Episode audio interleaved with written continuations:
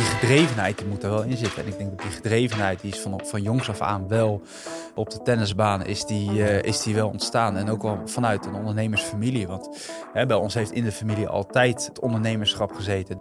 Je luistert naar Dexter Driessen, CEO bij Krop. Met hun webshop nonpaints.com verkopen zij non-paint en paint producten.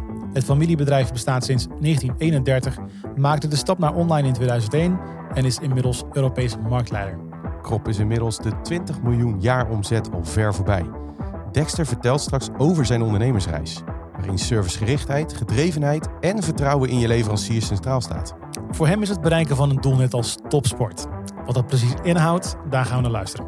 Wij zijn Framework, het e-commerce bureau waarmee webshops groeien van 1 naar 20 miljoen jaar omzet. Wil je weten hoe? Ga naar framework.nl. Dat is F-R-M-W-R-K.nl. En dan nu de podcast. Dit is Op Weg naar 20 miljoen, de e-commerce podcast van Framework, waarin je leert de juiste e-commerce beslissingen te nemen in jouw online groei. Dexter, welkom in de studio. Ja, dankjewel. Alles goed vandaag? Ja, zeker, absoluut. We gaan het vandaag over hebben, Thomas. Wie is onze gast vandaag? Kun jij misschien even introduceren? Ja, Normaal gesproken vraag ik het aan de gast zelf, maar vandaag toch even iets anders. Dus aan jou de introductie van hem. Ja, wie hebben we tegenover ons zitten? Dexter Driessen van, uh, van Krop, nonpaints.com. Super trots dat we hem hier uh, hebben zitten, zeg maar. Uh, enerzijds omdat ik van mening ben dat, dat zij de belichaming zijn van onze podcast van, van 0 naar 20 miljoen. Dus daar gaan we het zo dadelijk over, over hebben. En anderzijds heel trots dat het een, een klant van ons is. Ja. die we ja, ja. in ieder geval samen zeg maar, deze route hebben, hebben bewandeld. Dus dat is een soort van dubbele vorm van, van trots. Ja. ja, en ik denk dat het leuk is als Dexter nog even kort zichzelf ook nog wel even introduceert. Dat behoort er denk ik wel even bij. Bij ja, deze? dat denk ik ook. Nou, Dexter Driessen, inmiddels algemeen directeur van, uh, van Krop. En uh, mede, uh, ik deel de, de, de waardering en de trotsheid uh, die Tom heeft. En zeker als je ziet waar we vandaag gekomen zijn, dat is, dat is natuurlijk inderdaad, inderdaad fantastisch. En ja, dus hartstikke leuk om hier te zijn. En uh, je zegt inmiddels, uh, inmiddels uh, algemeen directeur, want je, je begon als? Ja, nee, ik, ik, ben, ik ben begonnen bij, bij Krop. ja, we, we, deden dat met z'n drietjes. Dus ik werkte hiervoor bij een, bij een, bij een softwarehuis. En ik had altijd wel de ambitie om dingen met auto's doen. Dus automotive, dat zit altijd wel in onze genen bij, bij de Driessen familie. En ik zal me nooit, ik zal nooit vergeten dat, dat ik van mijn opa de eerste, eerste computer kreeg. En die haalden we samen altijd uit elkaar. En, uh, dus ik had altijd affiniteit met computers en met auto's. En, en nou ja, goed, we hebben natuurlijk een familiebedrijf wat eigenlijk sinds 1931 bestaat. Driese Autolak. Dat is eigenlijk van generatie op generatie is dat overgegeven. Nou, mijn vader in uh, 2001, 2002 is dat, uh, heeft dat eigenlijk als het ware verhuisd naar online. Dus die is uh, eigenlijk als eerste binnen de branche een e-commerce omgeving begonnen in zijn eentje. En, uh, en had zijn uh, volledige distributie had hij uitbesteed. Dus eigenlijk, uh, hij, deed dat, hij deed dat vanuit huis. En ieder order die hij dan kreeg, ging gewoon een automatisch pdfje, maakte die aan. En dat pakbonnetje werd dan gemaild naar het distributiecentrum. En, en dat werd dan voor hem gelopen. En hij, zo, zo is hij in zijn eentje begonnen. En hij begon het steeds wel wat drukker te krijgen. En mijn broer, die, die had, had eigenlijk ook altijd wel feeling met de automotive. En had ook wel een stukje techniek. Dus die had daarvoor ergens anders gewerkt. Dus die had ook zoiets van, joh, ik zou toch wel graag in het bedrijf van, uh, in het familiebedrijf willen werken. Uh, dus die kwam er als eerste bij. Toen zijn ze dat met z'n tweetjes gaan doen. Uh, nou, mijn broer die is niet zo heel erg van achter de computer zitten enzovoort. Dus die, die moet je vooral lekker bezig laten zijn met zijn handen en, en onderweg laten zijn onder de mensen. Dus die deed dan nog wel wat klantenbezoek en wat, wat klantenonderhoud. Die legde ook nog wel wat, wat demo's uit enzovoort. En, uh, en ja, mijn vader had keihard aan het, uh, keihard aan het, uh, aan het touw getrokken. Ja. Keihard voor gewerkt, waar we vandaag de dag onder andere zijn. En die heeft dat echt op poten gezet. En het werd steeds drukker, steeds drukker. En bij mij kriebelde het toen ook wel om te zeggen van ja, weet je, ik zou toch wel heel graag in het familiebedrijf ook, uh, ook willen werken. Toen de, toen de tijd was ik ook best wel jaloers. Dat ik dacht van ja, weet je, die twee die doen dat samen. en ik vind dat zelf ook hartstikke leuk om te, om te doen. Ik was, nou, wat ik al zei, ik was heel graag bezig met computers en die automotive. Nou, tot al op een gegeven moment ik... Uh, ik dus bij dat softwarehuis uh, werkte. Hè. Ik heb mijn eindstage gelopen, ik kreeg daar een aanbieding, daar werkte ik. super blij dat ik daar gewerkt heb, fantastisch bedrijf, heel veel geleerd ook. En uh, uiteindelijk, mijn vader kreeg druk genoeg om te zeggen van, joh, weet je, ik, eh, ik kan wel iemand gebruiken die net zoals ik gewoon affiniteit heeft met die computer, bezig zijn met, uh, met het platform en, en dat verder te optimaliseren, zodat hij dat niet meer alleen, alleen deed. Nou, en zo gezegd, zo gedaan. Uiteindelijk daar weggegaan bij dat, bij dat softwarehuis en ehm, en toen uh, in, de, in het bedrijf van, uh, van de familie gaan werken. En uh, ja, daar kwam ik eigenlijk binnen. Help ons even met, met, met het relativeren van tijd. Want hoe lang is het geleden? Oh, ik denk dat het...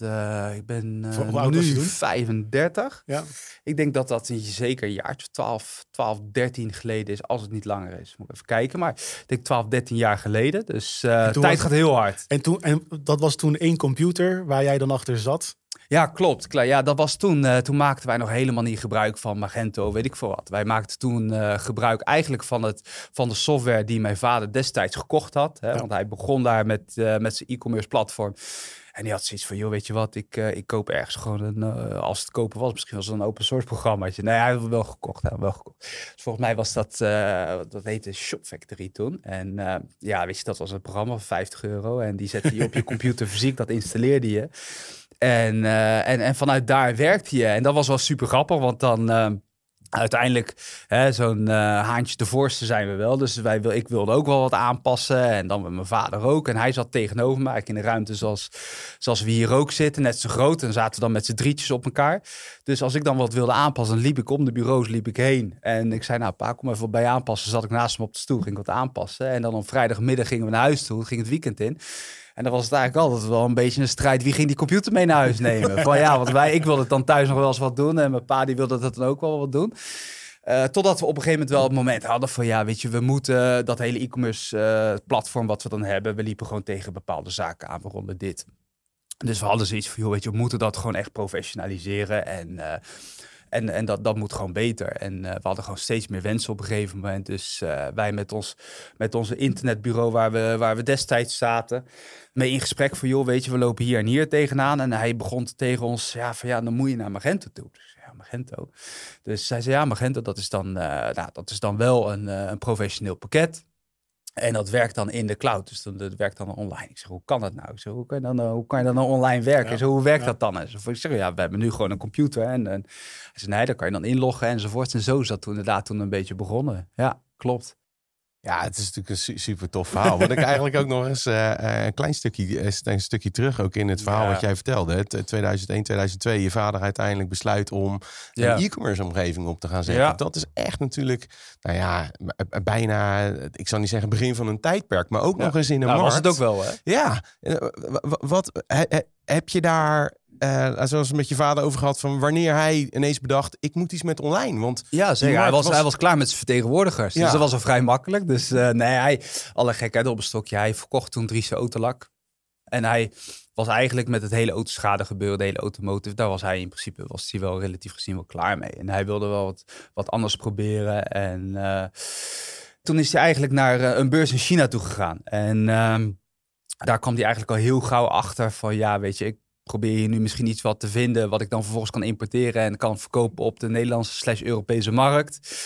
Maar ja, toen kwam hij er al heel gauw achter van, ja, weet je, mijn vader ook, die is gewoon geïndoctrineerd met uh, de automotive vanuit de familie. Hè, er stroomt nog net geen benzine door onze aderen heen. Dus ja, weet je, die kwam er toen al gauw achter van, ja, weet je, dit is het gewoon niet. En, en hier heb ik de feeling gewoon niet mee. En dat is denk ik ook wel onderdeel van, van waar we vandaag ook mee zitten en waar je dag in dag uit mee bezig bent. Je moet gewoon feeling hebben met de business en, en daar gewoon je passie voor hebben. Want anders, ja, het zal er misschien in een bepaalde vorm wel uit kunnen komen als je echt dedicated bent. Maar de, ja, voor mijn gevoel komt er gewoon veel meer uit als je echt gewoon gepassioneerd bent, betrokken bent met wat je verkoopt, uh, daar heel veel plezier uit haalt. En, en dat had hij niet met, met op dat moment uh, met de producten die hij uh, dacht te, te willen importeren. En nou, toen kwam hij eigenlijk terug en ehm, had op dat moment zoiets van ja, weet je, ik, ik wil wel gewoon verder. Hè. Hij, was nog, uh, hij was nog jong, dus uh, nog te jong om achter, die, achter de graniums te gaan zitten. Dus, maar ja, ook wel weer zoiets van ja, ik heb ook weer niet zo heel veel zin om uh, hè, een pand te moeten kopen, slash bouwen, huren, met vertegenwoordigers werken, nou, hele grote voorraden enzovoort. Dus toen dacht hij eigenlijk bij zichzelf van ja, dat hele e-commerce, dat is wel heel laagdrempelig. Je kan het relatief risicovrij eh, in zijn geval beginnen. Dus hij begon vanuit huis. Had een kennis waar hij dus uh, zijn DC had, waar zijn uh, kleinschalige voorraad lag. Waar hij dus op op ordeniveau kon zijn pakbom mailen. Dus hij wilde gewoon wel weer graag die, die automotive branche in. En daar was eigenlijk op dat moment nog helemaal niemand. Hij zag internet wel als de toekomst. Dus als zoiets van ja, weet je, internet wordt wel steeds belangrijker. En het gemak van online kopen werd ook wel in die periode uh, wel steeds populairder. En er was op dat moment nog helemaal niemand. Uh, nou, wij hadden wel het voordeel dat we sinds 1931 in de hele autolakken slash uh, de automotive natuurlijk wel een, een begrip waren met Driese autolak. Dus de connecties die had hij wel. Dus voor de mensen die hij destijds benaderde, was het ook niet dat hij een onbekende was. Want ik kan me best voorstellen als je nou echt zeg maar in een hele nieuwe wereld, uh, lees e-commerce. Als je daarin uh, in komt uh, als, als, als nieuwe naam met een nieuwe manier van werken, dan is het voor zo'n koper is het, is het natuurlijk wel een risico voor, ja, weet je, waar laat ik online mijn geld achter? Daar, ja. Weet je, vandaag de dag, natuurlijk, wij hebben wel een bepaald instinct waaraan je voelt van, joh, is deze webshop, is die, is die te vertrouwen of is die niet te vertrouwen? Er zijn ook steeds meer hele goede, hele goede webshops, dus dat vertrouwen is er inmiddels. Maar ja, dat is natuurlijk wel de opvoeding die we de afgelopen tien jaar plus hebben, hebben meegemaakt. Dat was er toen nog helemaal niet. Dat hele online betalen met Ideal of met een creditcard, noem het maar op. Dat was relatief nog wel nieuw. Maar we hadden natuurlijk wel het voordeel dat wij de naam hadden. En dat mensen wisten van, nou ja, weet je, daar zit Dries achter, dus dat, dat zal wel goed zitten. Ja. En, uh, en zo is dat allemaal begonnen toen. En dat was eigenlijk uh, op dat moment ook de keuze geweest van, ja, weet je, hij wilde gewoon uh, terug wel weer die automotive in. Omdat ja. hij daar gewoon het gevoel en de passie voor had. Ik denk, uh, jullie zijn daarmee een van de eerste bedrijven geweest, denk ik, die, die zeg maar online zijn gegaan met een e-commerce website. In de um, automotive, ja. Ja, ja. in het bijzonder ook, ja. ja, ja klopt. Want de eerste, denk ik ook. Hè? Eerst, eerste webshop is wat, misschien 1990 nog wat. Thomas, kijk jou even aan. Ja, ik denk daar nog zelf Geen idee. Voor. Ja, voor, denk ik ook nog wel. Maar hè, als je kijkt naar Amazon, uh, die zijn al uh, redelijk snel begonnen al hoor. Ja, Bol ook denk ik wel. Ja. Hè? Met Bol, ja, dat, denk dat, dat, ook dat zou ik niet eens precies weten. Maar inderdaad, weet je... De, nou, ik de... weet nog wel, de Coolblue, die was ook nog een beetje rond die periode begonnen. Want wij kennen hen dan nog. Wij zaten op, uh, op de OC-dijk, dat was in Rotterdam. Uh, daar verhuisde op een gegeven moment met ons kantoortje naartoe. En, uh, en Coolblue zat eigenlijk om de hoek, een heel klein winkeltje. Dat heette volgens mij toen iets van de PDA-shop ja, of iets dergelijks. Dus het was ook een beetje rond die, uh, ja, rond die rond periode die, dat dat dan, uh, dan begon. Maar waar, waar ik benieuwd naar ben, is, is het volgende. Want um, om, omdat het zo vroeg in, in die e-commerce markt is, of in die e-commerce geschiedenis, kan je de situatie hebben dat je ergens mee start. Maar goed, jaar 1, jaar 2 eigenlijk nog helemaal niet een groot succes of zo ziet. Nee. Omdat de markt daar nog, zich nog niet toe absoluut, leent. Absoluut. Hoe, hoe, hoe lang heeft dat geduurd? Hoe lang zeg maar, heeft het een beetje lopen sudderen. Ja, en daarna echt... nu, dat, daar zou ik nu graag antwoord op willen geven. Alleen die heb ik niet hoor. Dan ja. ga ik iets zeggen wat niet waar is. Ik, ik denk dat, um, dat ik toen te jong was en met andere dingen bezig was om daar nu echt een, uh, een oordeel over, uh, over, ja, over te vellen. Als je het me van tevoren gevraagd had, dat kunnen opzoeken. Maar ja, ja. ik, ik, denk wel, als je, dat nu, uh, als je dat nu aan me zou moeten vragen en ik moet daar antwoord op geven, zou ik wel zeggen dat lange, lange ademwerk is. Ja, wat je natuurlijk in heel veel gevallen ziet. Ja, in heel veel gevallen, dus net zo goed als dat wij nu een, een shop internationaal neerzetten. Ja, dan mag je ook niet van verwachten dat dat uh, meteen ontzettend veel tractie krijgt. Hè? Dus dat is ook lange ademwerk en voor investeren enzovoort. En ik denk ook wel dat dat, uh, dat dat toen het geval was. Ik denk dat dat misschien nog wel meer lange adem was dan, dan, uh, dan nu. Nu ben je al een bepaalde autoriteit. Nu kan je al tussen haakjes wat snoepen door, uh, door traffic te kopen door middel van AdWords enzovoort. Ja. Dat had je toen in vele mindere mate tot, tot niet. Uh, ik denk dat hij heel veel toen baseerde op zijn, uh, op zijn klantenbestand die hij, uh, die hij had. Hij had natuurlijk een concurrentiebeding uh, getekend dat hij vijf jaar lang niet in de autolakken mocht. Maar had niet de, de het concurrentiebeding op non-paint. Non-paint is eigenlijk de, de, de brancheterm voor alle verbruiksgoederen, dus de afplaktapes, folies. Vandaar ook nonpaints.com, want wij krijgen heel vaak de vraag van ja, hey, hoe kan het dat het krop, uh, krop heet voorheen uh, voluit car repair online products en dat je domeinnaam nonpaints.com is. Maar dat, ja, ook dat is een stukje know-how. Uh, hij is toen begonnen, heeft een URL gekocht, wist vanuit de branche dat het de non-paint branche was, de non-paint branche was. Uh, kocht dat domeinnaam en, uh, en had zoiets van, joh, weet je, ik hang daar car repair online products aan. wat later krop werd, omdat wij vanuit de markt als krop benoemd werden. Uh, en ook vandaag de dag niet alleen meer car repairs, maar veel meer dan dat. En, en, en zo is hij toen, toen begonnen. En, uh, en dat is eigenlijk een ieder, ieder... interessant feitje. Hè? Want ja, maar dat is iedereen bij Coolblue. Hè? Die is ook met allerlei domeinnamen. Uh, volgens mij had hij iets van kabels, kabel, kabeltje.nl of kabeltje.nl. Hij had nog pda's.nl. nou, volgens mij is het uiteindelijk ook nog wel wat verder gegaan met wasmachines en drogers in combinatie met .nl. Uh, en dat hebben ze uiteindelijk hebben ze het allemaal gefuseerd dan volgens mij naar coolblue.nl. Hou me te goede.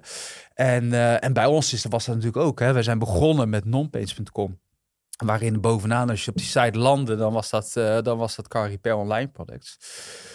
ja, maar weet je, dat zijn ook dingen. Ik heb het er ook wel eens met, met Ron over gehad. en met jullie team van ja, moet je daar wat mee? Maar goed, weet je, dat ga je ook niet zo snel meer veranderen na al die jaren. He, je hebt ook een bepaalde domeinrating. En, en je bent autoriteit in de markt uh, autoriteit, geworden. Ondanks dat, hè, want uh, laat ze eens lachen op een puntje van mijn tong. Hè, om, uh, want inmiddels natuurlijk autolakken... Wat lachen op een puntje van je tong? ja, de autolakken natuurlijk een, een belangrijk onderdeel is van... Ja, ja, ja dus dat hele non-page.com, dat slaat nergens nee, meer op. Nou, als je het zo bekijkt, hè, dat, dat je natuurlijk als, als eindgebruiker wel eens zou denken van... Hé, ik ga naar non-paints en ze verkopen paints.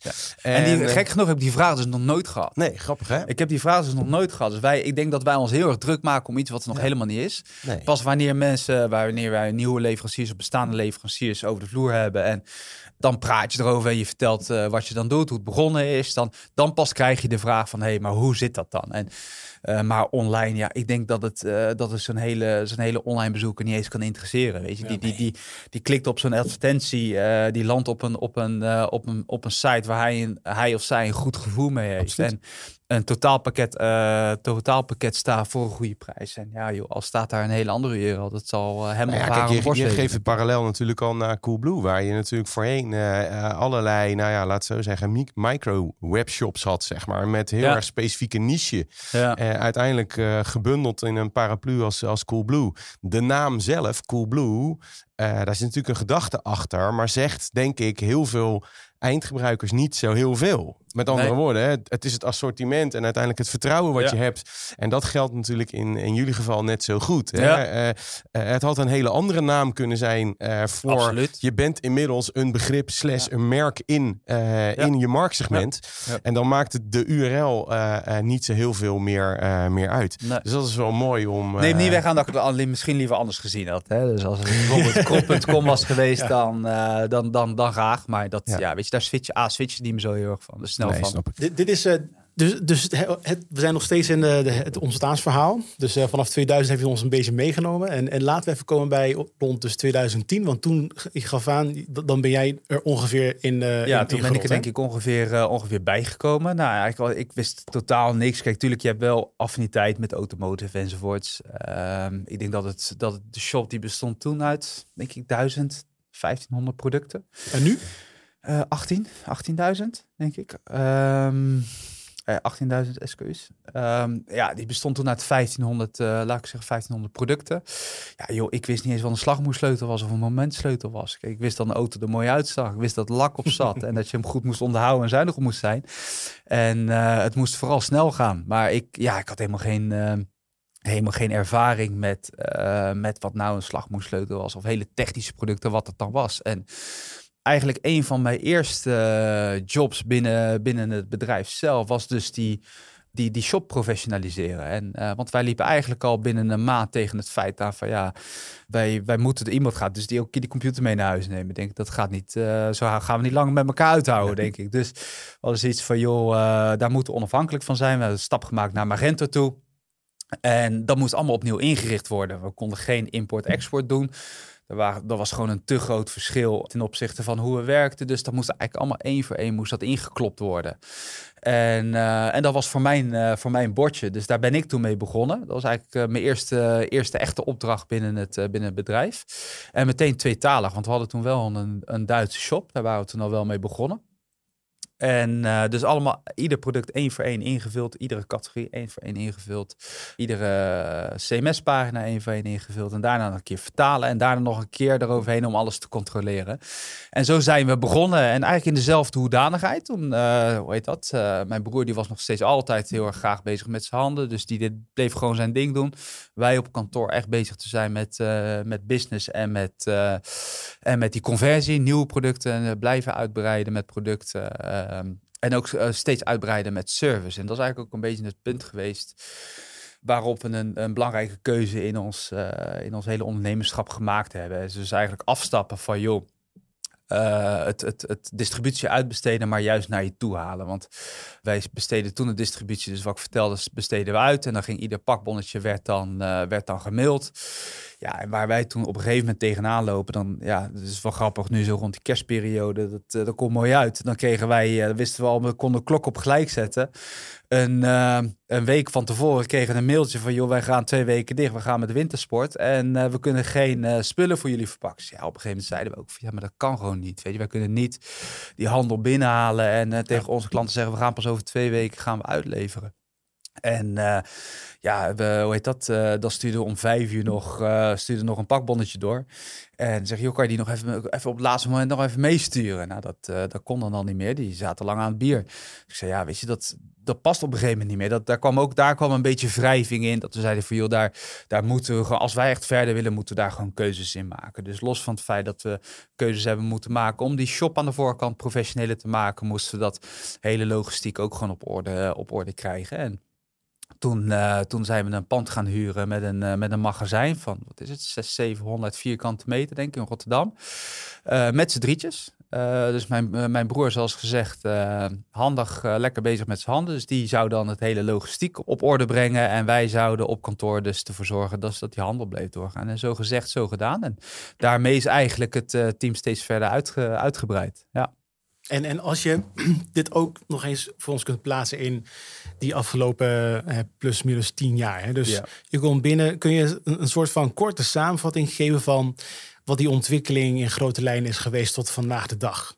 Dus in, in ontwikkeling, en hoe bedoel je dat? Ja, dus de, dus de bedrijfsgroei. In bedrijfsgroei in mensen, in de producten, in de omzet? Of? In, in, in, in 360 graden, dus waar je ook maar aan kan denken. Weet je? Want dus het aantal personen, misschien dus product heb je net benoemd. Ja, nou ja, dat is wel... Uh, kijk, uiteindelijk heb je gewoon fases waarin, uh, waarin, je, aan het, uh, waarin je aan het groeien bent. En um, ja, als je nou gaat nadenken, zo 12, 13 jaar geleden zit ik nu bij de zaak. Wij zijn nu in het in het eh, nieuwste pand waar we nu zitten, zitten we nu precies een jaar. We hebben tien jaar gezeten op de oude locatie. Dus laten we zeggen twee jaar op kantoor. In dat, in dat kantoortje in Rotterdam. Toen zijn we tien jaar lang naar de. Toen zijn we inderdaad, hebben tien jaar in, eh, in Rotterdam gezeten. We zitten nu een jaartje zitten we, zitten we dan in Berkel. Ja, en, we, we, zijn toen inderdaad gaan verhuizen dus naar, naar Rotterdam. Uh, met z'n drietjes. Toen kwam er op een gegeven moment, op een gegeven moment iemand bij op, op logistiek vlak. Die, uh, die, die kon mijn broer dan assisteren, want dat werd wel steeds drukker en drukker en drukker. Nou, uh, we bleven in dezelfde setting, uh, in dezelfde setting boven. Ehm, ik werd toen als ik het goed zeg, werd ik als eerst benaderd door een, uh, een oud schoolvriend van mij. Die, uh, die was veel verstandiger dan ik was. Die was blijven, blijven studeren. Dus die mailde mij op LinkedIn van ik zoek nog een stageplek. En uh, nou, zou dat bij jullie kunnen? En die jongen die is bij ons stage gelopen, uiteindelijk ook blijven hangen. dus dat was eigenlijk voor ons, volgens mij de derde persoon die op kantoor kwam. Nog steeds ook? Nee, nee hij, heeft een andere ambitie gevonden. Uh, dus, maar ik denk wel dat hij een jaartje vijf, zes bij ons gezeten heeft. Wel hartstikke leuk. Daar ook straks wel een heel leuk verhaal over. Maar uh, ging over die uh, shopping of die shopping awards.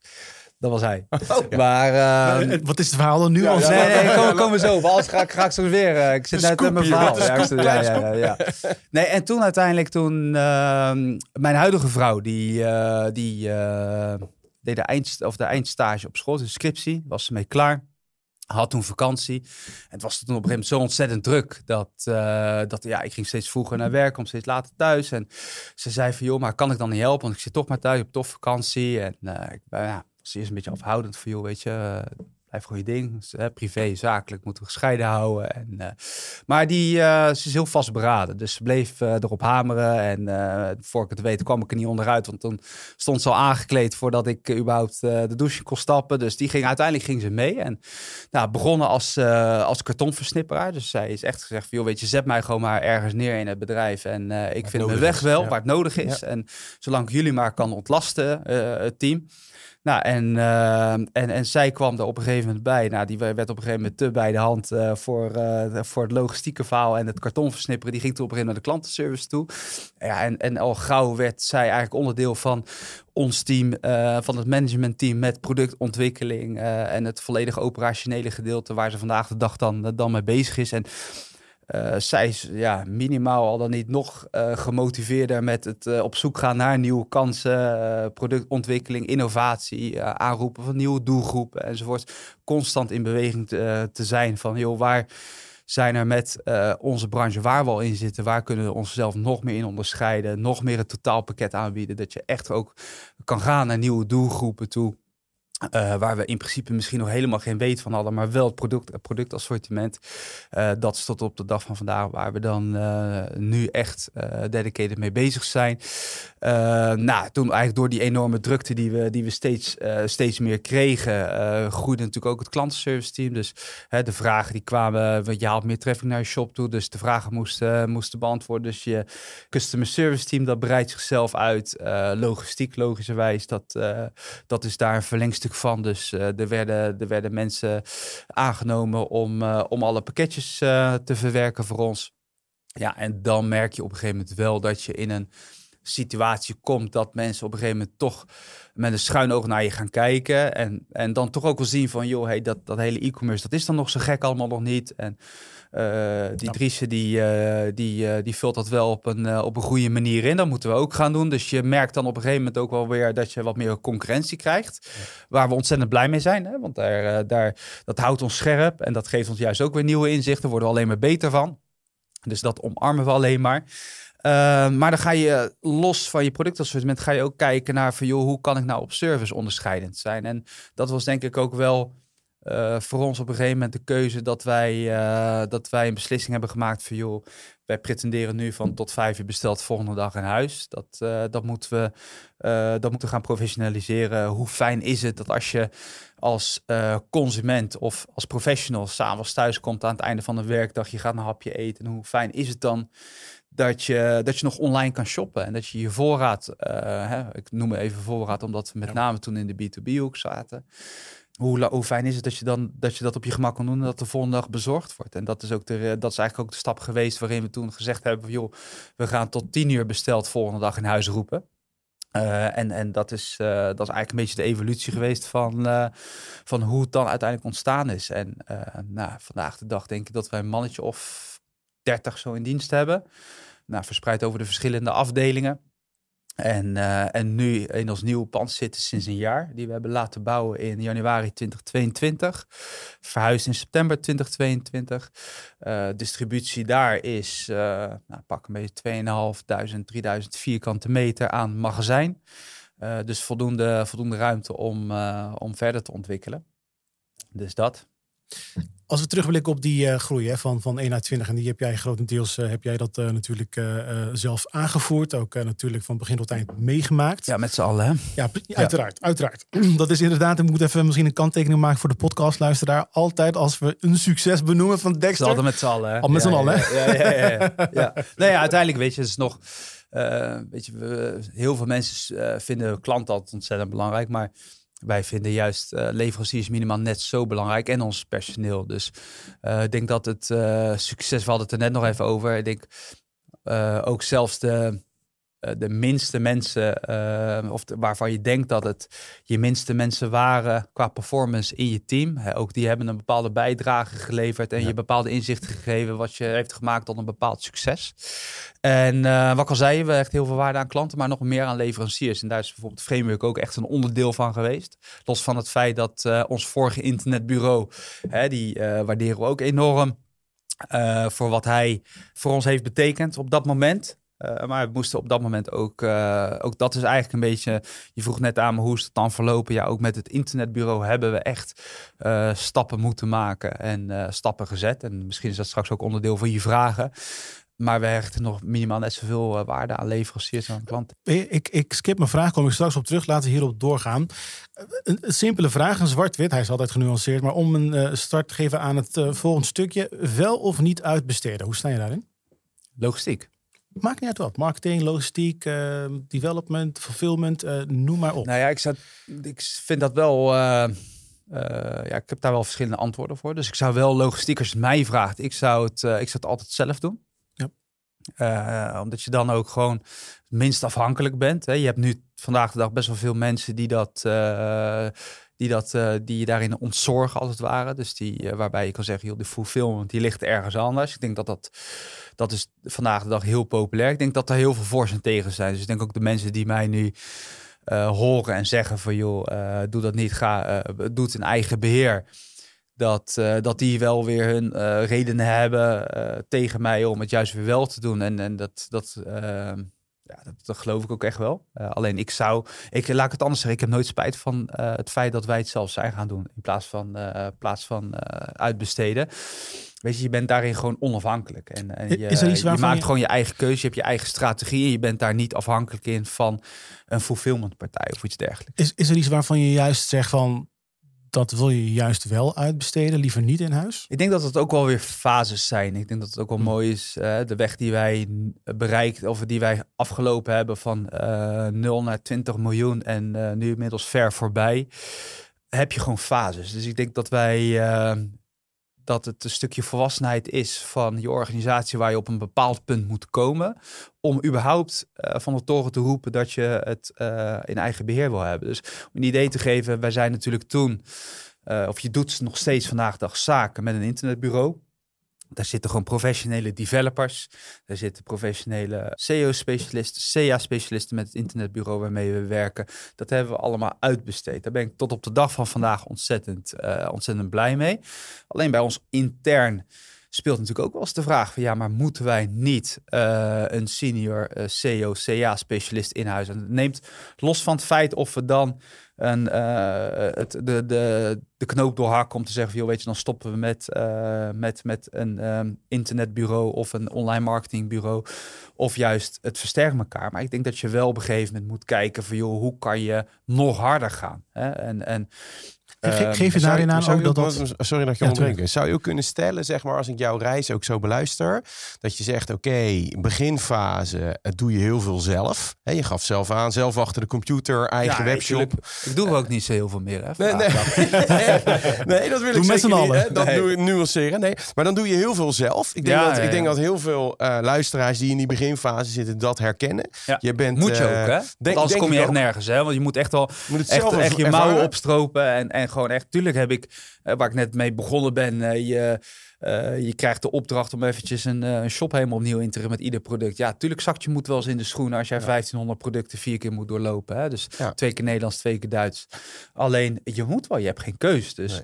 hè, wat dat betreft, wij als, als familie komen uit een ambitieuze en, uh, en, en, en gedreven tennisfamilie, ja, dan, dan, moet je gewoon, dan moet je gewoon werken. Ja. Werken, werken, werken om ergens te kunnen komen. En ja, ik, ik dacht toen, je was altijd heel fanatiek met tennis. En, en hè, je, je, je tenniste elke dag en je was heel fanatiek en je vond dat topsport. Maar ja. afgelopen jaar hebben we ervaren dat hetgeen waar we nu mee bezig zijn met z'n allen, dat dat topsport is. Ja, dus, nee, zeker. zeker. Uh, ja, weet je, inderdaad, als ondernemer, je begint gewoon ergens en je bent gewoon keihard aan het werk. En uh, en, en, dat doe je gewoon inderdaad gewoon met het hele team. En op een gegeven moment moet je jezelf wel gaan afvragen. En dat is waar we nu uh, anderhalf jaar geleden, twee jaar geleden de keuze gemaakt hebben om te zeggen: van, joh, we moeten daar managementfuncties bij hebben. Hè. Dat hadden wij gewoon eerst niet. Hè. We waren dat zelf. En, uh, zelf mouwen opstropen, gas ja. geven. En uh, wij stuurden de mensen op een gegeven moment wel aan. Maar je moet op een gegeven moment ook kunnen delegeren. En dat betekent niet dat het dan uh, minder is. Het is anders. Hè. Dus op ja. een andere manier, wat in principe ook gewoon hartstikke goed is. Er zijn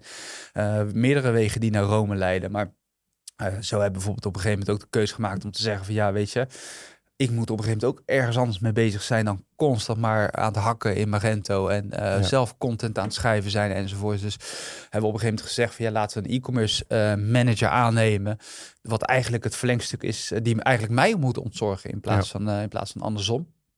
En dus, maar dat zijn wel fases, daar moet je naartoe groeien. En dat is ook met logistiek zo je doet dat eerst allemaal met elkaar, maar op een gegeven moment moet je daar gewoon iemand boven zitten die gewoon daar gewoon uh, structuur in aanbrengt, de zaken optimaliseert, zodat het eigenlijk uh, efficiënter loopt, uh, mindere fouten gemaakt worden, kwalitatief gewoon veel beter is. Dus, maar dat zijn allemaal fases waar je doorheen loopt.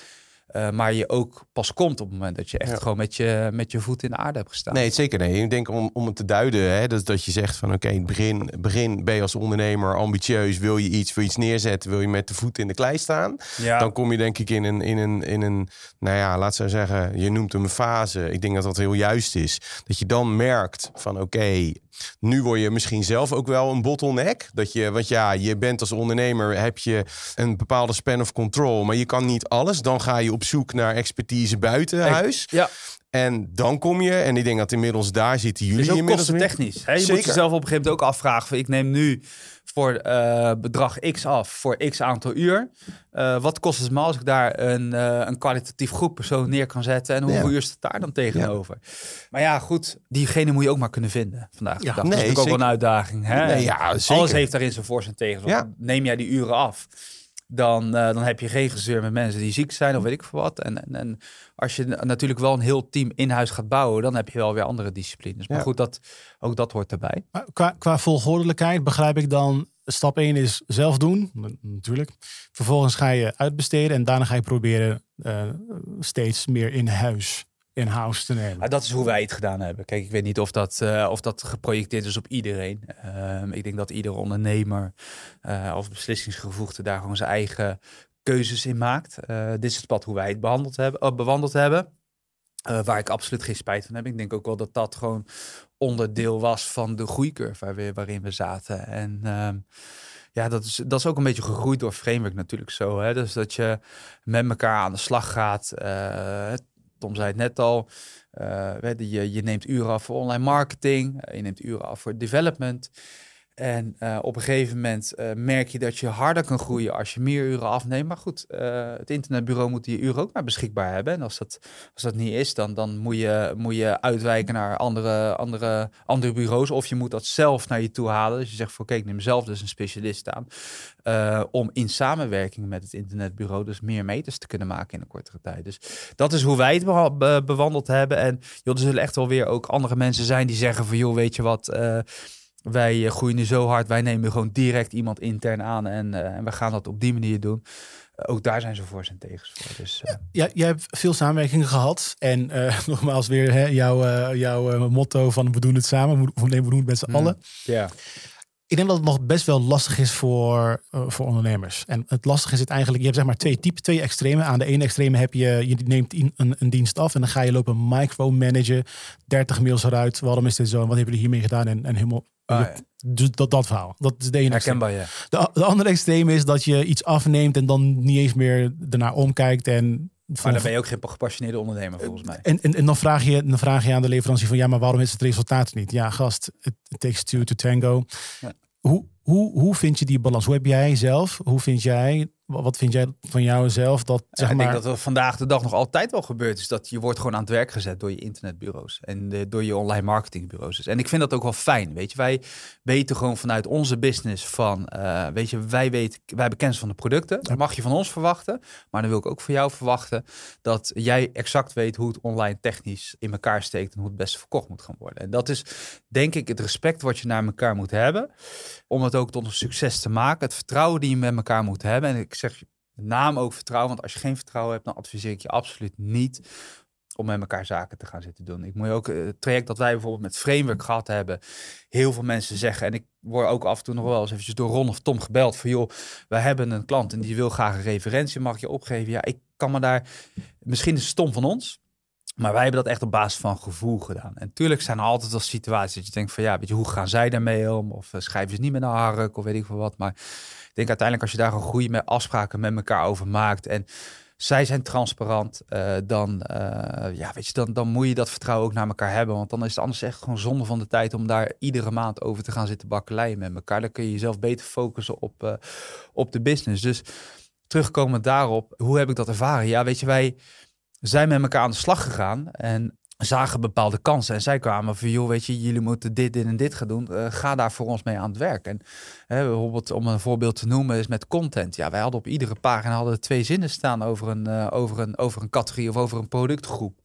Nou, waarvan de framework al in de basis zal zijn met een, uh, met een online marketing van, joh, ga eens überhaupt even fatsoenlijke content schrijven. Dit zijn de keywords waar je op moet focussen en, en ga maar aan de slag.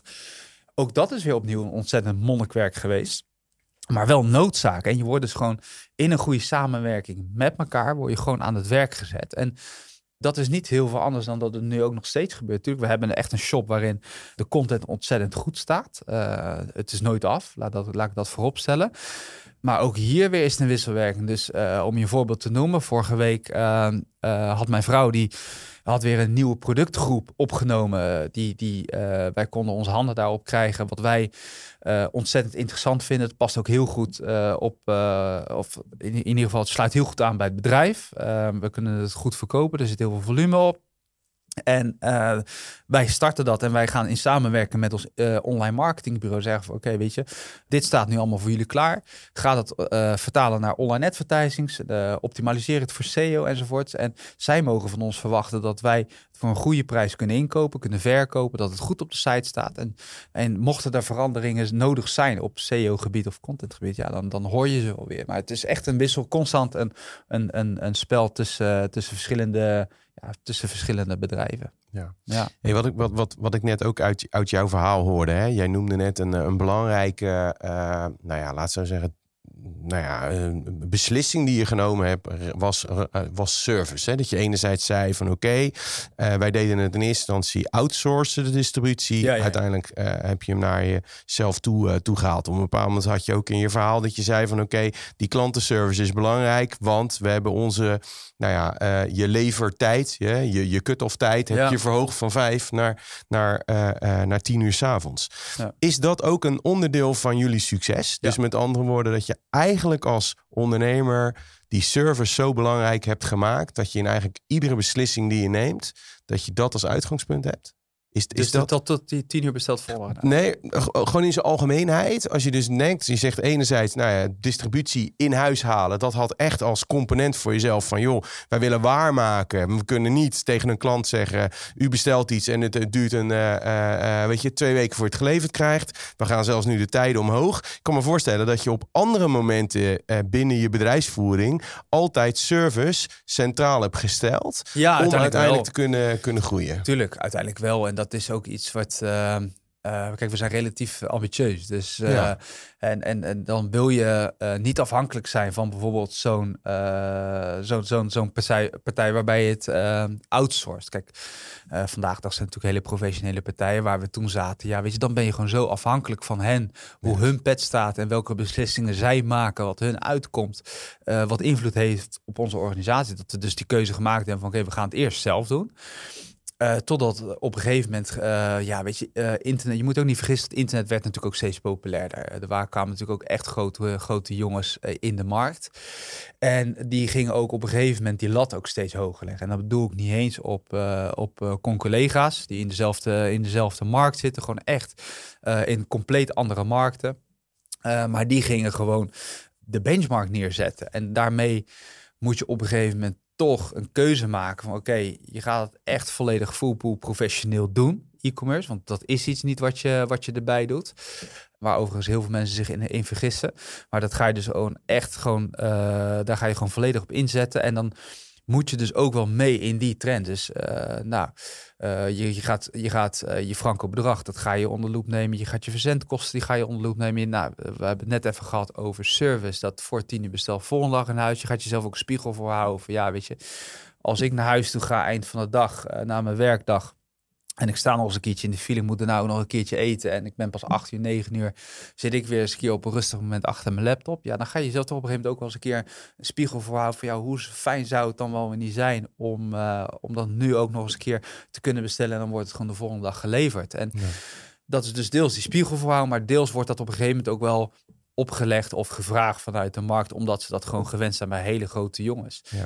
En, eh, en ook dat is op zich ook wel weer goed, want daarmee innoveer je. Uh, dat geeft je ook weer nieuwe inzichten. Maar anderzijds is natuurlijk ook een ontzettende belasting op je organisatie, want je, je moet in verschillende shiften gaan werken. Dus wij hebben, wij hebben nu een shift van 8 uur s ochtends. Nou, we hebben één uitgeschiet, dus die begint om 7 uur en uh, tot 5 uur.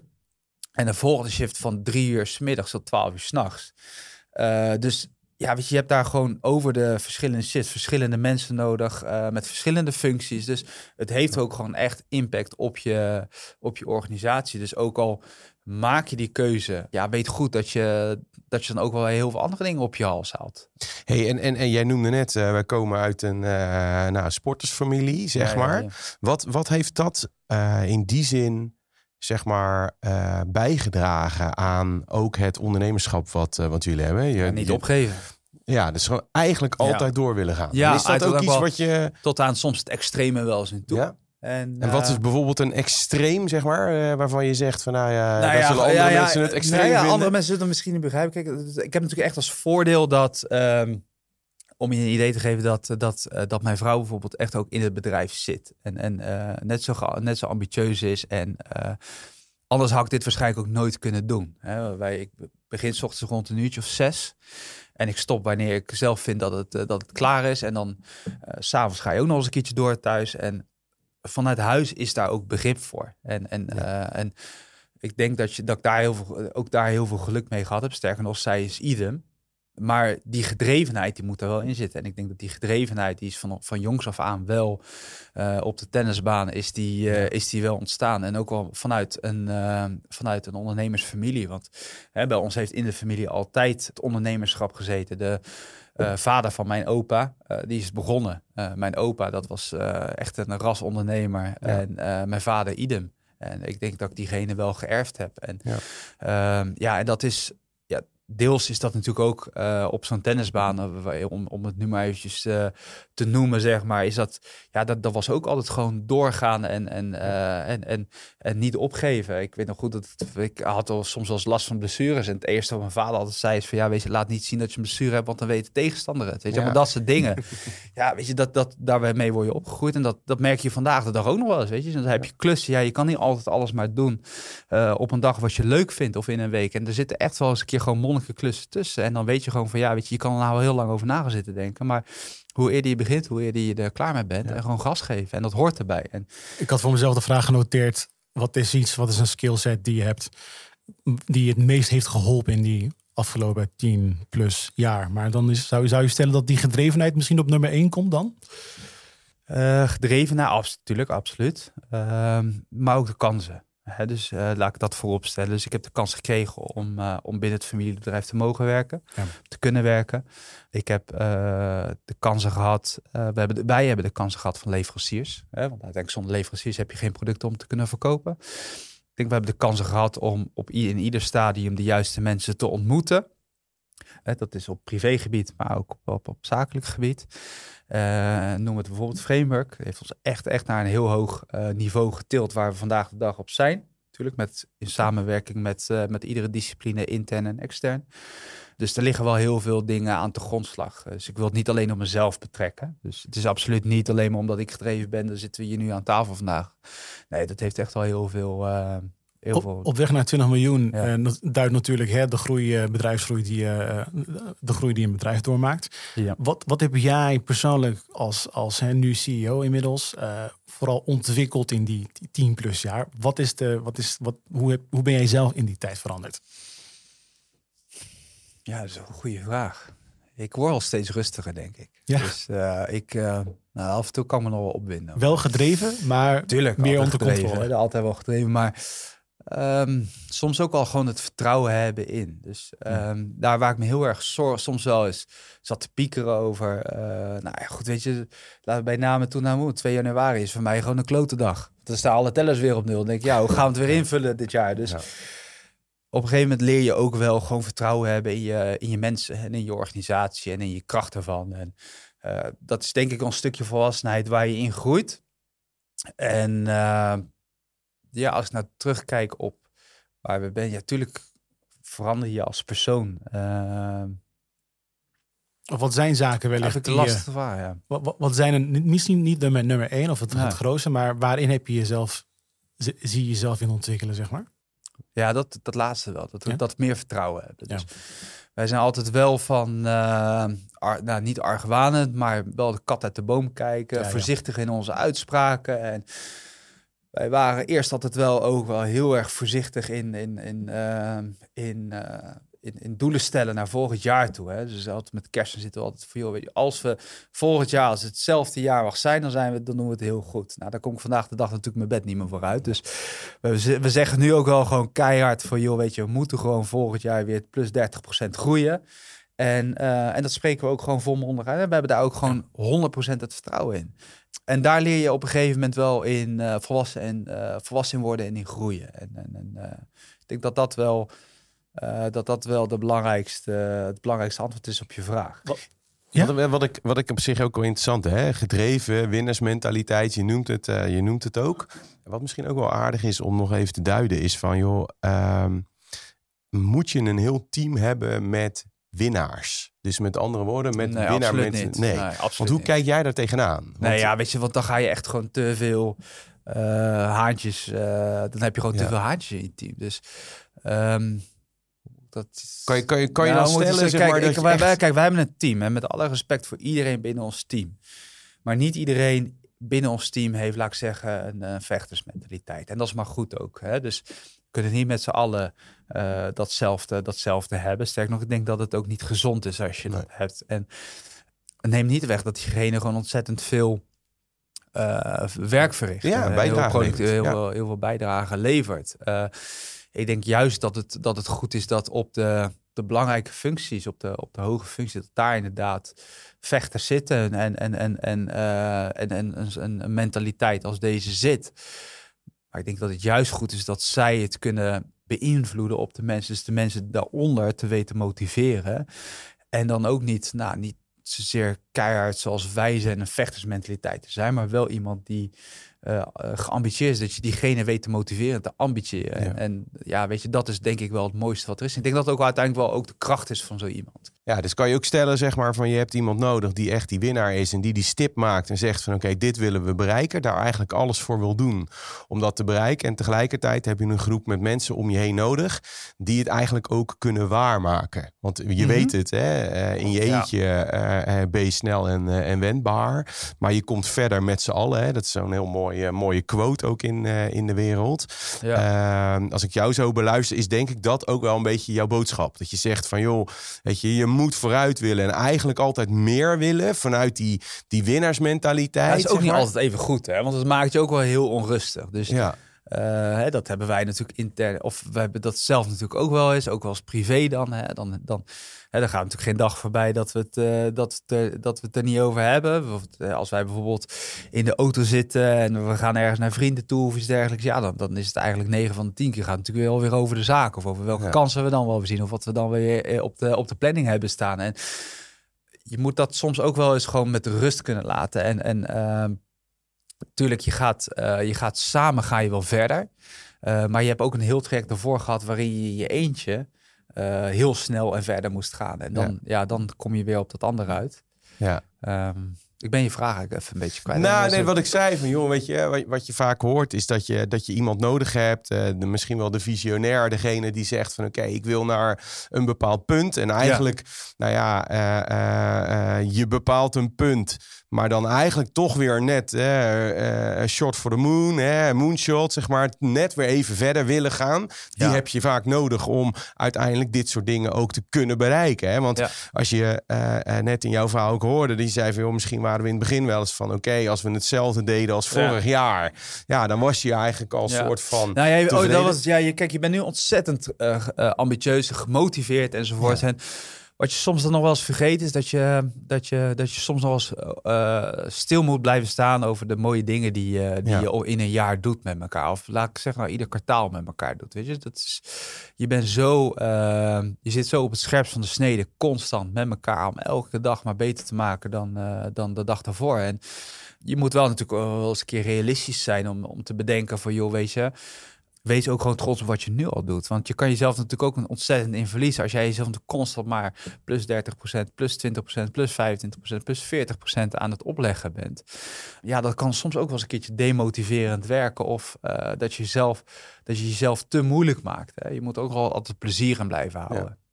En dat is altijd wel uh, wel heel belangrijk. Soms is het ook gewoon goed om te, te blijven reflecteren op, uh, op, op wat je aan het doen bent. Wat, wat ik heel erg hoor is eigenlijk uh, twee elementen. Eén is zeg maar zelf, dus echt visionair zijn. Dus echt nou, die vechtersmentaliteit hebben.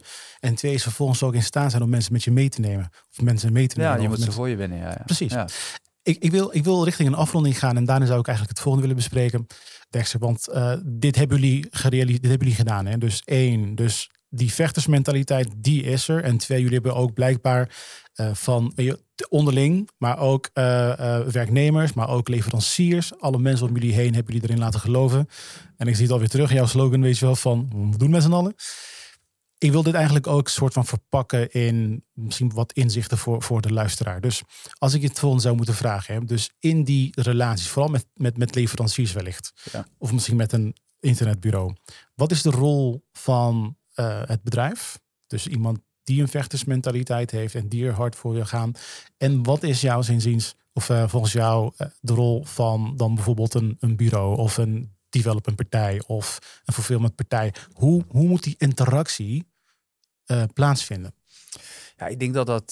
ik hoop dat die, dat die je vraag beantwoordt. Maar ik denk wel dat het een, een dans is die je gewoon samen moet doen. Je zei net zelf al, het takes two to tango.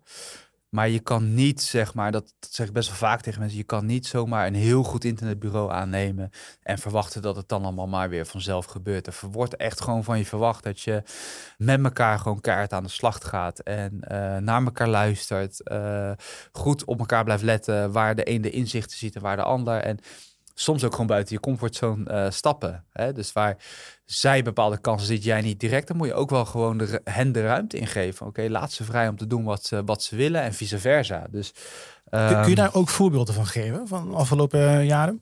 Ja, ik ben de laatste tijd wat minder betrokken, uh, omdat die discipline dus ergens anders ligt binnen onze organisatie, uh, bij, uh, bij onze, onze online marketingpartij, waarin wij vaak horen van joh, jullie geven ons heel veel vrijheid om, om, om te experimenteren en te doen. Nou, dus er is natuurlijk op e-commerce vlak hè, met, uh, met uh, Googles enzovoorts. Er zijn natuurlijk heel veel nieuwe innoviteiten en ontwikkelingen enzovoorts. En wij belemmeren daar nooit iemand in of zijn nooit ergens huiverig voor van joh, daar moet je wel of niet instappen. Nee, we hebben dat vertrouwen om hen uh, hun expertise uit te laten voeren. Want als ik daar tegenin zou gaan, ja, dan ben ik geen knip voor de neus waard. Dan moet ik lekker zelf gaan zitten doen. Dus jij moet ook, als je met dat soort mensen aan uh, uh, mee in zee gaat, je gaat met ze samenwerken. Je betaalt er flink voor. Dan moet je ze ook echt hun, uh, hun de ruimte geven om hun kunstje te laten doen. Net zo goed als dat zij jou de ruimte geven om, uh, om te innoveren en te uh, doorontwikkelen op je productassortiment of uit te breiden naar andere doelgroepen. Zeg maar. Dus een fout van de ondernemer zou kunnen zijn: je hebt dus een, een, een samenwerking opgezet, maar je geeft de ruimte niet. Ja, nou, bijvoorbeeld. Hè, dus ik denk dat daar als. als, als nou, ik denk als je als ondernemer lopen er best wel wat rond die het zelf allemaal wel het idee hebben, het allemaal het beste, uh, te weten of het allemaal wel beste te kunnen. Ja, ik vind dat de grootste valkuil. En zeker als je aan tafel zit met specialisten die je daarvoor inhuurt. Ja, als, je, als, je, als je met die mindset aan tafel zit, dan kan je ze beter van tafel vegen, want dat heeft toch niet zo heel veel zin. Uh, dus ik vind juist, geef ze de vrijheid en, weet je, en, en, en praat met elkaar erover. Dan, dat is mij altijd geleerd. Als je met elkaar aan tafel zit en je praat erover, uh, dan bereik je uiteindelijk veel meer. En dan, dan, dan ontstaan er ook uh, situaties en dialogen die je met elkaar voert. En dat, dat vormt juist een goed businessmodel. En, en ook anders andersom, um, waarvoor moet je juist waken? Wat is een fout die een bureau zo al zou kunnen maken? Waar moet je scherp op blijven? Nou, dat is wel, kijk, zij hebben over het algemeen uitzonderingen daar gelaten, hebben minder zicht of minder expertise in de business die je doet. Dus ik hoef, uh, hè, ik kan met, met Tom aan tafel zitten en als Tom tegen mij gaat zeggen dat ik geen uh, twee componenten ver moet gaan verkopen, dan zeg ik heel gauw dat hij zijn mond moet houden, want dat bepaal ik zelf omdat ik zelf weet of het goed verkocht wordt in de branche of niet. Hè? Om maar eventjes een, uh, ja. een voorbeeld te noemen, zeg maar. Je, ik denk wel dat je als ondernemer en dat wordt ook van je verlangd. Dat je exact weet natuurlijk wat je productassortiment is, wat je doelgroep is en waar de behoefte naar is en welke kansen er liggen. En ik vind niet dat je jezelf volledig moet laten leiden Ja. door iemand die aan een bureau zit, die nog nooit waarschijnlijk een, een zo'n dergelijk product in zijn handen heeft gehad, die jou gaat vertellen van joh, dat moet je wel of niet doen. Nee, je moet wel altijd je eigen visie hebben van joh, ik geloof hierin. Dit sluit aan op onze doelgroep, op ons productassortiment. En ik heb het vertrouwen in dat ik het, eh, dat ik het ga verkopen. En uh, ik denk dat dat. Uh, ik heb gelukkig die situatie nooit gehad hoor al wel één keertje volgens mij wel. Dat iemand tegen ons zei van ja, het is niet zo'n interessant product. En die verkopen we nu op dagbasis. Dus dat is dat, dat, dat, dat daar aan toe. Maar ik denk dat je daar wel voor moet waken. Dus ik denk dat, hè, je, en daarom zei ik net ook al in het begin van joh, het is een respect die je naar elkaar hebt. Dus uh, laat hen vrij op, uh, op, op, uh, op hun discipline. En laat ons vrij op, op onze discipline. En, en als ik het dan ook goed begrijp, is dat dan ook, zijn dat ook twee checkmarks voor de samenwerking die Krop heeft gehad met Framework? Ja, dat kan je wel stellen, ja. Ja, absoluut. Ja, want wij, uh, daar kom ik eventjes terug bij uh, onze, onze, nou, dat wil ik niet te veel naartoe, maar onze, onze tennismentaliteit. We hebben dat op een fanatiek niveau gedaan. En ja, ik ben begonnen op mijn, op mijn vierde. Nou, dan krijg je een, een, een trainer toebedeeld die, die je niet hebt als je, als, je, als je op een hoog niveau speelt. Dus wij hadden denk ik, nou ik wil niet zeggen dat het een amateurtrainer was, maar wij zaten bij een internetbureau die voor ons op dat moment uitstekend was, die ons heeft geholpen bij een bepaald niveau. Wij liepen op dat moment ook daarin, liepen, liepen wij gewoon tegen bepaalde belemmeringen aan. Dat we ook daarin zeiden van joh, luister, als we verder willen, uh, op e-commerce en we willen dat gewoon echt gewoon naar het hoogste niveau tillen en willen echt alles eruit halen wat erin zit, dan moeten we gaan kijken naar een ander internetbureau. En dan is daar een, op die fase is daar een, uh, is er een andere, een andere speler voor ons. En dat nou, met zo'n trainer bijvoorbeeld, uh, dan, dan, dan ontgroei je de trainer waar je mee begonnen bent en dan, dan heb je een bepaald niveau, dan ga je naar de volgende trainer door en zo ga je door natuurlijk. Dus je kan ook andersom stellen. Je kan ook zeggen dat framework misschien voor ons te professioneel, te, te groot als toen wij net begonnen waren, zeg maar. Dus daar, daar, dat is gewoon een natuurlijke groei. Um, maar je moet dat wel scherp houden. Ja. Dus je moet wel op een gegeven moment wel uh, die keuzes durven maken. Dat is voor ons achteraf gezien natuurlijk best wel een grote stap. Hè? Je bent ergens ontzettend vertrouwd. Je werkt er natuurlijk al jaren mee samen. En om dan je volledige shop, je hele businessmodel dan te gaan verhuizen ja. uh, bij een partij die, die je toevallig net kent. Ja, dat is nog wel wat. Van, vanuit die, Thomas, vanuit die samenwerking die we hebben gehad met, met Krop, um, zijn er nog andere zaken die we zouden kunnen benoemen? In het kader van inzicht voor de luisteraar om te bepalen: oké, is mijn huidige samenwerking nou, ben ik hier tevreden mee? Of juist niet? Ben ik goed bezig? Wat zou u nog meer kunnen noemen?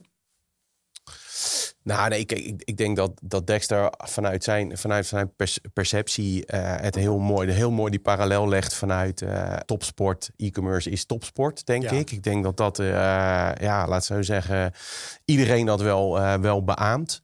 ik denk dat we als we een, een, klein beetje terugkijken naar, naar het verhaal wat Dexter aangeeft, is dat we daar heel duidelijk in horen dat je dus verschillende uh, fases doorloopt. En dat is natuurlijk logisch. Hè? Uh, wat je op, uh, op 1 miljoen aan het doen bent versus 20 miljoen. Dan, hè, wij noemen dat ook wel van start-up, scale-up naar grown-up, zeg maar. Nou, dan heb je dus hele andere, andere behoeftes. Dus krijg je ook een andere samenwerkingsvorm. En ik hoorde Dexter net wel aangeven. Kijk, alles is wel heel erg sterk verbonden aan vertrouwen. Ja. Dus ja, met andere woorden, het is heel belangrijk dat je als je keuzes maakt, dat je er letterlijk vertrouwen in hebt. Of dat nou de mens binnen je bureau, hè, binnen je bedrijf is, of de leverancier of de partner waarmee je samenwerkt. Dat je echt het vertrouwen hebt dat zij je verder gaan helpen in de vraagstuk wat je hebt. Ja. En dat heb je zeker niet op dag één. Want heel eerlijk, uh, weet je, op het moment dat je met iemand praat, ja, hoe kan je dan vertrouwen? Dat, dat is een vorm van nou, denk ik, je noemde het net ook in je verhaal, een beetje onderbuikgevoel. Dat je het gevoel hebt van oké, ik praat met iemand en die persoon, daar is een klik mee. En ik geloof dat die persoon uh, hetzelfde voor heeft als, uh, als ik of dat bedrijf. En dan langzaamaan bouw je daar een vorm van vertrouwen op die uiteindelijk leidt tot het feit dat je het vanuit de samenwerking wellicht steeds iets meer loslaat en meer ruimte biedt. Ja. En ik denk dat dat eigenlijk een heel mooi iets is. Wat, ja. Uh, uh, ja, wat je de, de, de luisteraar, maar ook de e-commerce professional kunnen, kunnen meegeven. En dat voelt een beetje abstract. is niet heel concreet. Maar ik denk wel dat daar... Ik weet ook niet of je Eh, hem concreet kan maken. ja, dat is nee. lastig. Ik denk dat je dat echt... Nee, maar eh, wij horen het we- wel vaker. Hè? Is natuurlijk, eh, jij, noemde, jij noemde net ook wel dat voorbeeld van oké. Eh, je gaf zelf aan van joh, op het moment dat jij het beter weet. en je zet iemand anders tegenover je. die je inhuurt als specialist. maar jij hebt toch nog het gevoel dat je het beter weet. dan kom je ook niet verder. Dus ja, en dat is wel een valkuil. die je wel vaak hoort. en die wij natuurlijk als bureau Ja. ook wel regelmatig treffen. Hè? Maar dat heeft ook wel een klein beetje te maken met wellicht. De, Ja. de, de, de, de pijn die ze al eerder Eens. hebben gevoeld ergens anders. Eens, eens. joh. En weet je, dat is... eh, ik denk ook dat, eh, dat dat in principe wel een, eh, een gezond gevoel is. En ik denk, wij hebben het ook wel eens, denk ik, wel eens een keer gehad. Dat we zoiets hadden van, ja, weet je, ik denk dat ik het beter weet. Ik denk niet dat als wat jij nu eh, AB-testen bijvoorbeeld, hè, dat, dat wij bespraken een, set met AB-testen, waarvan ik zei van, ja, weet je, met alle respect, maar wat jij nu getest is gewoon zonde van je tijd. dus, en, maar goed, ik zei, wij zeiden ook van, joh, weet je, als jij het gevoel hebt dat dat echt eh, bijdraagt, weet je, eh, be my guest en doe het. Mm, en ja. los even feit van wat de uitkomst dan was, zeg maar. Eh, als die positief is, dan, dan heeft hij een stok om mee te slaan. En, en, als, ik, en als ik gelijk heb, ja, dan... ehm, Wat was de uitkomst, Dexter? ja. Eh, nou, we hebben er twee gehad. Eentje, Ja, ja, ja. Eentje, eentje had hij een stok om mee te slaan aan mij. en die andere, daar was ik. eh, ja, ja. Maar goed, eh, aan de andere kant, soms is het ook gewoon goed om, om diegene te laten doen wat hij initieel dacht. Ook al denk jij er anders over. En laat ze ook dan maar gewoon een keertje vallen. Weet je, dat is ook bij ons interne ook. Weet je, als jij denkt dat logistiek bijvoorbeeld, als jij denkt dat dat product het beste daar kan liggen, want die pikroute is het meest efficiënt, of jij weet dat er volgende week nog een pallet binnenkomt, dus jij kan hem dan op, dan op die plek het beste wegzetten. Als jij er zo over denkt, ja, ik hoef er niet te lopen, weet je. Dus, dus eh, zet hem vooral daar neer en dan, je komt er vanzelf achter als het niet goed is. En Ja. ik denk dat dat ook gewoon goed is. En dat was bijvoorbeeld ook met zijn AB-test. Ja. Ik eh, wil het daarmee afronden. Dexter, wij bedanken jou voor je tijd. En we gaan eh, lekker even wat te drinken en een hapje eten. ja, graag gedaan. Jullie bedankt. Dit was Op weg naar 20 miljoen. De podcast die je helpt betere beslissingen te nemen in jouw online groei. Ga voor meer afleveringen naar je favoriete podcast-app. En vergeet je niet te abonneren.